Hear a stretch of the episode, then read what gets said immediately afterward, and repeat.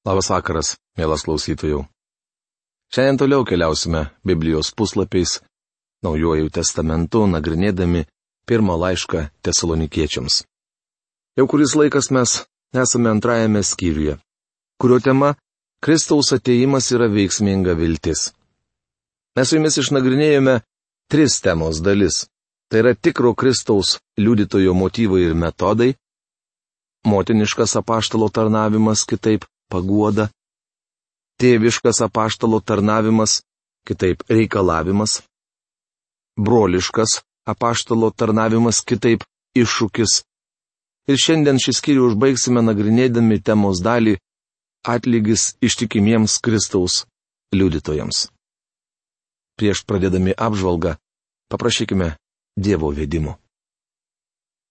Mūsų tėve, mes dėkojame tau už tavo sūnų Jėzų, ir už atvirą dangų, už kelią, kurį tu nutaisėjai mums jame pas save.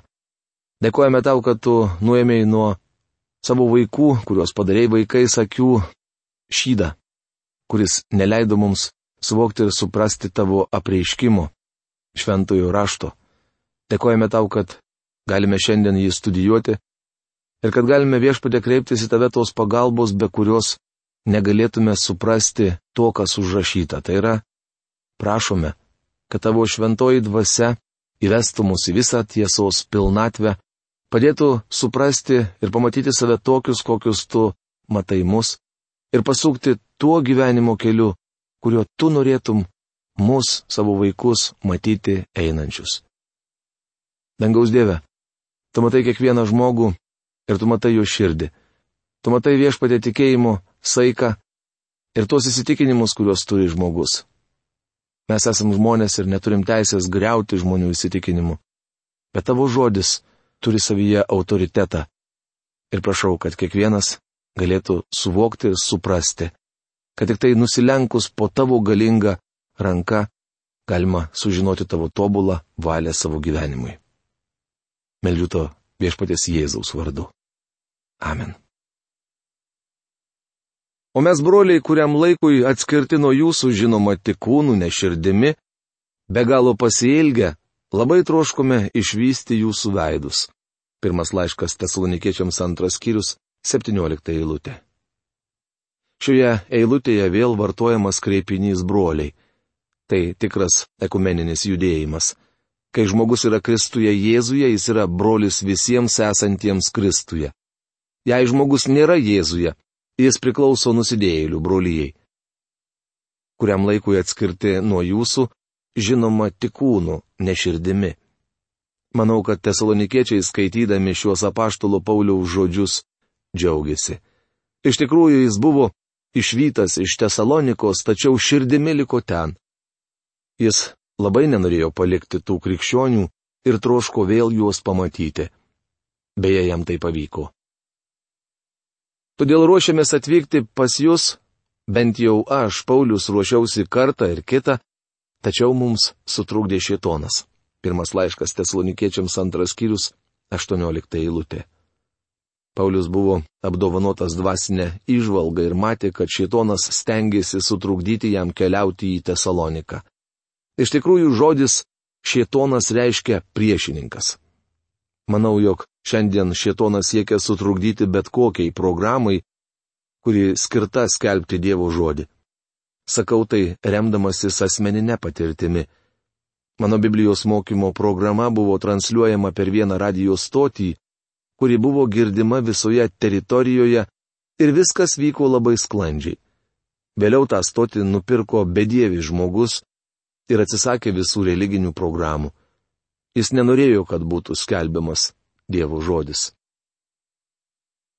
Kasgi yra mūsų viltis, džiaugsmas ir pasididžiavimo vainikas prieš mūsų viešpati Jėzų, kai jis ateis, jeigu ne jūs? Taip, jūs esate mūsų garbė ir džiaugsmas.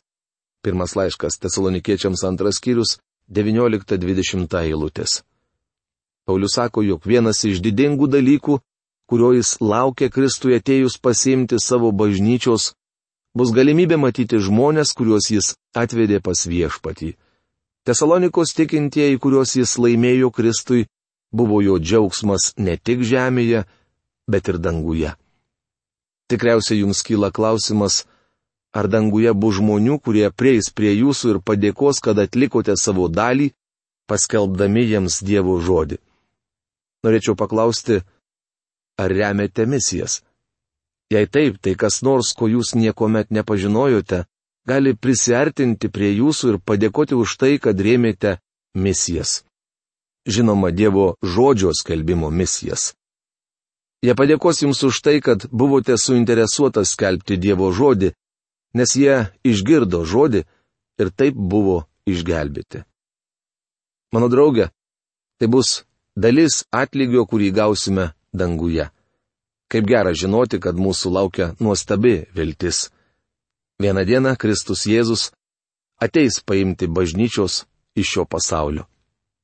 Dar džiaugsmingiau yra žinoti, kad kažkas patikėjo Kristumi dėl jūsų liudijimo ir draugė su jumisais pasitikti viešpaties. Pirmas laiškas tesalonikiečiams, trečias skyrius - tema - Kristaus ateimas yra skaistinanti viltis. Jau minėjau, kad pagrindinė pirmo laiško tesalonikiečiams tema yra bažnyčios paėmimas. Antrajame laiške tesalonikiečiams rašoma apie Kristaus apreiškimą, tai yra apie jo ateimą į žemę įkurti savo karalystės. Man didžiausia įspūdį daro doktrinų, kurių Paulius mokė tesalonikiečius praktiškumas. Šiandien eschatologijos arba pranašyščių mokyklos šį mokymą iškreipė ir jis tapo šalutiniu. Dabar apie šias doktrinas tikintieji daug kalba ir net ginčijasi, tačiau tai nėra labai reikšminga jų praktinio gyvenimo dalis. Skaitydami Pauliaus laišką tesalonikiečiams matome, kad jo mokymas buvo visiškai kitoks. Kaip jau minėjau, šios skyriaus tema skaistinanti Kristaus ateimo viltis. Jei laikysitės bažnyčios paėmimo vilties, tai yra neišvengimo Kristaus ateimo pasiimti savųjų, tai pakeis jūsų gyvenimo būdą. Jei ši viltis jūsų gyvenimo nepalies, vadinasi iš tikrųjų tuo netikite. Tai reiškia, kad Kristaus ateimas jums tai yra tik teorija ar filosofija. Apie Kristaus ateimo viltį rašoma nuo šio laiško trečios skyriaus pradžios iki ketvirtos skyriaus dvyliktos eilutės. Timotėjus atneša gerą žinę apie tesalonikiečius.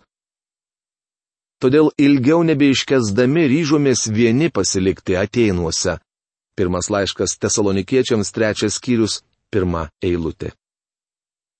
Paulius troško sugrįžti pas tesalonikiečius, tačiau vienas pasiliko Atenuose, o į Tesaloniką pasiuntė Timotėjų ir galbūt Sila, gydytoją Luką bei kitus. Atkreipkite dėmesį į svarbų žodį todėl, kuris šį skyrių susiję su tuo, apie ką Paulius kalbėjo anksčiau. Kaip prisimenate, jis rašė apie bažnyčioje esančius šeimininius santykius. Jau minėjau, kad apaštalas Paulius Tesalonikos tikintiesiems buvo motina, tėvas ir brolis. Jis atvedė tesalonikiečius pas viešpatį ir juos mylėjo. Paulius teigia, kad jie bus jo šlovė ir džiaugsmas viešpatės Jėzaus pasirodymo metu, kai visi tikintieji gaus savo atlygį. Kadangi Paulius Tesalonikos tikinčiuosius iš tikrųjų mylėjo, jis liūdėjo, kai šetonas sukliudė jam pas juos grįžti. Apaštalas turėjo taip greitai išvykti iš Tesalonikos, kad paliko daug nebaigtų pamokymų ir iki galo neišdėstytų tiesų. Jis ne tik troško sugrįžti, bet ir rūpinosi ten gyvenančių tikinčiųjų ateitimi. Paulius troško juos paguosti, kitaip tariant, jis rodė meilės pastangas, apie kurias rašė šio laiško pradžioje. Meilė nėra susižavėjimas ar vien tik geras jaukus ir šiltas jausmas. Meilė siekia kitam gero. Jei ką nors mylite, linkite jam gero ir dėl mylimo žmogaus nebijote rizikuoti savo gyvybę.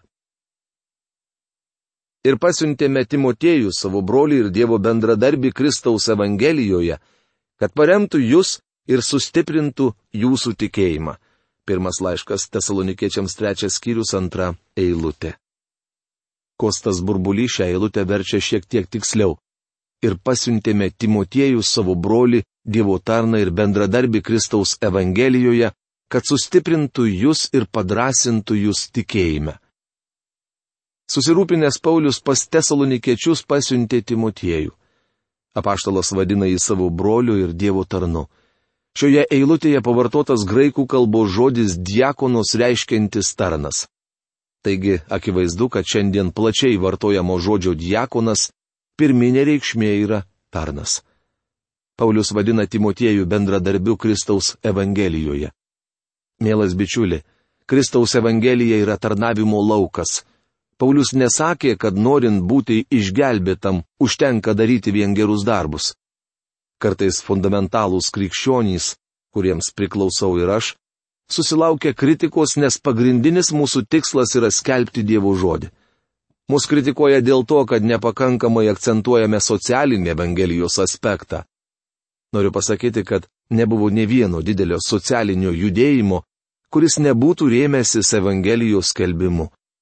Mintis priimti vaikų darbo įstatymus gimė didžiuosiuose Veslio susirinkimuose. Šiandieninis leiboristų judėjimas daug skolingas Džonui Vesliui, bet jis taip nutolo nuo savo ištakų, kad jų nebeatpažįsta. Ligoninėse Dievo žodis buvo pradėtas skelbti taip pat Džono Veslio tarnavimo metais. Mielas bičiuli, Jei žmonės atsilieps į Kristaus Evangelijos žinę, jų gyvenimai pasikeis, o to pasikeitimo neatsiejama dalis bus geri darbai. Mūsų šalyje vis aktyviau ir plačiau įgyvendinama gerovės programa. Tai tapo vienu iš didžiausių korupcijos pasireiškimų, kada nors buvusių mūsų valdymo sistemoje. Nemanau, kad kuris nors iš mūsų galime suvokti visą korupcijos susijusios su šia didžiulė programa apimti. Kodėl tai vyksta? Todėl, kad ta gerovės programa nėra paremta Kristaus Evangelija. Fundamentalius tikinčiuosius kritikuojantys liberalai elgesi taip, tarsi jie sakytų, jog norint būti išgelbėtų užtenka daryti gerus darbus. Ar kada nors pažinojote taip kalbantį žmogų, kuris iš tikrųjų padarė ką nors gero? kaip jie elgesi. Iš tiesų tokie žmonės skatina ištvirkimą, palaidumą ir negali išvaduoti vaikų nuo narkotikų. Kai buvau nuvykęs į Portlandą, Oregono valstijoje, pamačiau, kad vienoje iš ten įsikūrusių liberalių bažnyčių mergaitėms būdavo dalinamos kontraceptinės piliulės. Paulius sako, kad Timotiejus buvo Kristaus Evangeliją skelbintis tarnas. Taip turėtume elgtis ir mes. Mano draugė, kai skelbiama Kristaus Evangelija, daroma daug gerų darbų. Vienintelė kritika, kurią esu girdėjęs geradarių adresu, yra tai, kad jų nuveikti geri darbai yra tik laikina pagalba. Tie, kurie grindžia išgelbėjimą vien gerais darbais, nepadeda žmonėms visam laikui susitaikyti su Dievu. Tai padaryti gali tik Kristaus Evangelija. Paremtų jūs jūsų tikėjime. Tas pats nuostabus žodis vartojamas išeimo knygos 17 skyriaus 12 eilutėje. Ten rašoma, jog Mozė užlipo į kalną ir melzdamasis laikė iškėlęs į viršų rankas, kad užtikrintų Izraelio pergalę. Mozės rankos tai pailso, kad jėdu paėmė akmenį, padėjo prie Mozės ir jis ant jo atsisėdo. Aaronas ir Hūras paremė jo iškeltas rankas, vienas iš vieno šono, kitas iš kito. Taip jo rankos liko tvirtos iki pat saulėlydžio. Žodis paremė reiškia sustiprino. Paulius pasintė pas tesalonikiečius Timotiejų, kad jis juos paremtų, palaikytų, sustiprintų. Šiandien žmonėms reikia to paties. Jie turi būti sustiprinti tikėjime. Bet to Timotiejus turėjo tesalonikiečius padrasinti tikėjime. Padrasinti reiškia paskatinti kad ne vienas nesviruotų tose negandose. Ir jūs patys žinote, kad esame tam skirti. Pirmas laiškas tesalonikiečiams trečias skyrius, trečia eilutė. Tokį pasakymą mums visiems priimti ir suprasti netai paprasta. Apaštalas rašo, kad ne vienas nesviruotų, o tai reiškia, kad ne vienas neturėtų prarasti pusiausviros tose negandose. Negandos čia reiškia suspaudimai, įtampos. Toliau skaitome stulbinantį Pauliaus teiginį, esame tam skirti. Dievo žodėje aiškiai kalbama, kad gyvendami žemėje patirsime sunkumų. Tiesa, tie sunkumai bus laikini, tačiau jų išvengti negalima. Apaštalos Paulius rašo, kad kentėdami šias negandas tesalonikiečiai tvirtai laikytųsi viešpaties. Ši tiesa pabrėžiama ir kitose šventojo rašto vietose. Evangelijos pagal Joną 16 skyriaus 33 eilutėje užrašyti viešpatės Jėzaus žodžiai. Aš jums tai kalbėjau, kad manyje atrastumėte ramybę. Pasaulyje jūsų priespauda laukia, bet jūs būkite drąsūs, aš nugalėjau pasaulį. Priespauda - tai sunkumai, kuriuos teks patirti kiekvienam iš mūsų. Nėra jokio būdo jų išvengti, tačiau pats viešpats liepia mums drąsiai kentėti sunkumus. Jei esate tikras krikščionis, nuo sunkumų nepabėgsite. Priimti Kristų nereiškia apsidrausti nuo kentėjimų. Iš tikrųjų tai reiškia, kad tapęs Dievo vaikų patirsite bėdų. Netgi jei prieš tai jums viskas klojosi kuo puikiausiai. Kristus niekuomet nežadėjo, kad mūsų neištiks audrus. Jis žadėjo, kad mes nugalėsime visas gyvenimo audras. Be to, jis labai aiškiai ir tvirtai pažadėjo, kad eis su mumis per audras ir mes pasieksime uostą. Kiekvienas laivas, kuriame jis plaukia, nenuskes Galilėjos ežere, bet pasieks kitą krantą. Antro laiško Timotėjui trečios skyriaus dvyliktoje eilutėje apaštalas Paulius rašo. Ir visi, kurie trokšta maldingai gyventi Kristuje Jėzuje, bus persikiojami. Atkreipkite dėmesį, kad čia nėra jokių jeigu arba ir bet. Apie sunkumus rašoma ir pirmame Petro laiške ketvirtame skyriuje nuo 12 iki 19 eilutės. Jei jūsų gyvenime viskas klojasi kaip sviestų patepta, metas susirūpinti ir suabejoti savo išgelbėjimu. Tačiau jei gyvendami žemėje patirėte sunkumų, jei gyvenimo naštos ir įtampos jums nesvetimos, tuomet tai ženklas, kad esate Dievo vaikas. Leisdamas patirti sunkumus, Dievas mokomus juo pasikliauti. Juk dar būdami tarp jūsų, Mes iš anksto pasakėme, kad turėsime kentėti negandą ir kaip žinote, tai ir įvyko. Pirmas laiškas Tesalonikiečiams trečias skyrius ketvirta eilutė. Girdėjau pasakojimą, kad kartą juodaodžių susirinkime Memfyje, Tenesio valstijoje. Pastorius paprašė tikinčiųjų pacituoti keletą mėgstamiausių šventojo rašto eilučių. Vienas vyriškis atsistojo ir pasakė, jog jam labiausiai patinka šventojo rašto žodžiai Ir tai įvyko. Kai jis atsisėdo, visi klausytojai atrodė suglumę. Pastorius pasiteiravo, kodėl ši eilutė yra jo mylimiausia. Vyriškis atsakė, kai patiriu sunkumų, atsiverčiu tą Biblijos vietą, kur parašyta ir tai įvyko. Skaitydama šio žodžiu suprantu, kad mano sunkumai atėjo tam, kad įvyktų ir praeitų. Jie ateina ne tam, kad pasiliktų. Mielas bičiuli, Dievas perves mus per audras. Galiausiai nuo mūsų bus nuimtos visos naštos. Kaip tai nuostabu. Galbūt tas brolis ir ne visiškai teisingai pritaikė šią šventojo rašto eilutę. Tačiau jo teologija buvo visiškai teisinga ir neprieštaravo tam, ką šiame laiške rašo paštalas Paulius. Priespauda yra tas pats žodis kaip ir sunkumas. Čia nekalbama apie didįjį suspaudimą. Šis žodis reiškia smulkų sunkumai. Gyvendami žemėje visi patirsime šiek tiek sunkumų. Jie skirti tam, kad priartintų mus prie Dievo. Sunkumai padeda tikinčiajam šventėti. Todėl ilgiau nebeiškesdamas pasiunčiau pasiuntinį, norėdamas sužinoti apie jūsų tikėjimą, ar kartais jūsų nesuviliojo gundytojas ir ar nėra niekais pavirtęs mūsų triūsas. Pirmas laiškas tesalonikiečiams trečias skyrius penkta eilutė. Gundytojas čia nekas kitas, o šitonas. Kaip prisimenate antrame šio laiško skyriuje, apaštalas Paulius rašo, mums sutrukdė šitonas. Kitaip tariant, Paulius tesalonikiečiams sako, šitonas man kenkia, baiminosi, kad ir jums jis gali pridaryti bėdos. Sunkumai patikrina mūsų tikėjimo nuoširdumą. Sunkumas yra rimtas išbandymas rūkštimi, kuris patikrina, ar tikėjimo moneta tikra. Daugelis tikinčiųjų yra nuoširdus, tačiau tarp jų yra ir apsimetėlių. Pasitikėjimas Dievu kenčiant sunkumus yra vienintelis dalykas, kuris iš tikrųjų gali atskleisti tikėjimo nuoširdumą. Paulius džiūgauja, nes vargai ir bėdos atskleidžia, kuris tikintysis yra nuoširdus.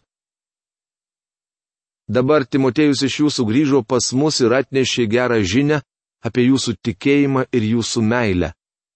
Kad jūs nuolat mus maloniai prisimenate ir norite mus pamatyti, kaip ir mes jūs.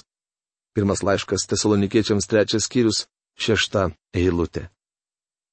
Paulius nepaprastai apsidžiaugė išgirdęs, kad jie nesvyravo kesdami negandas.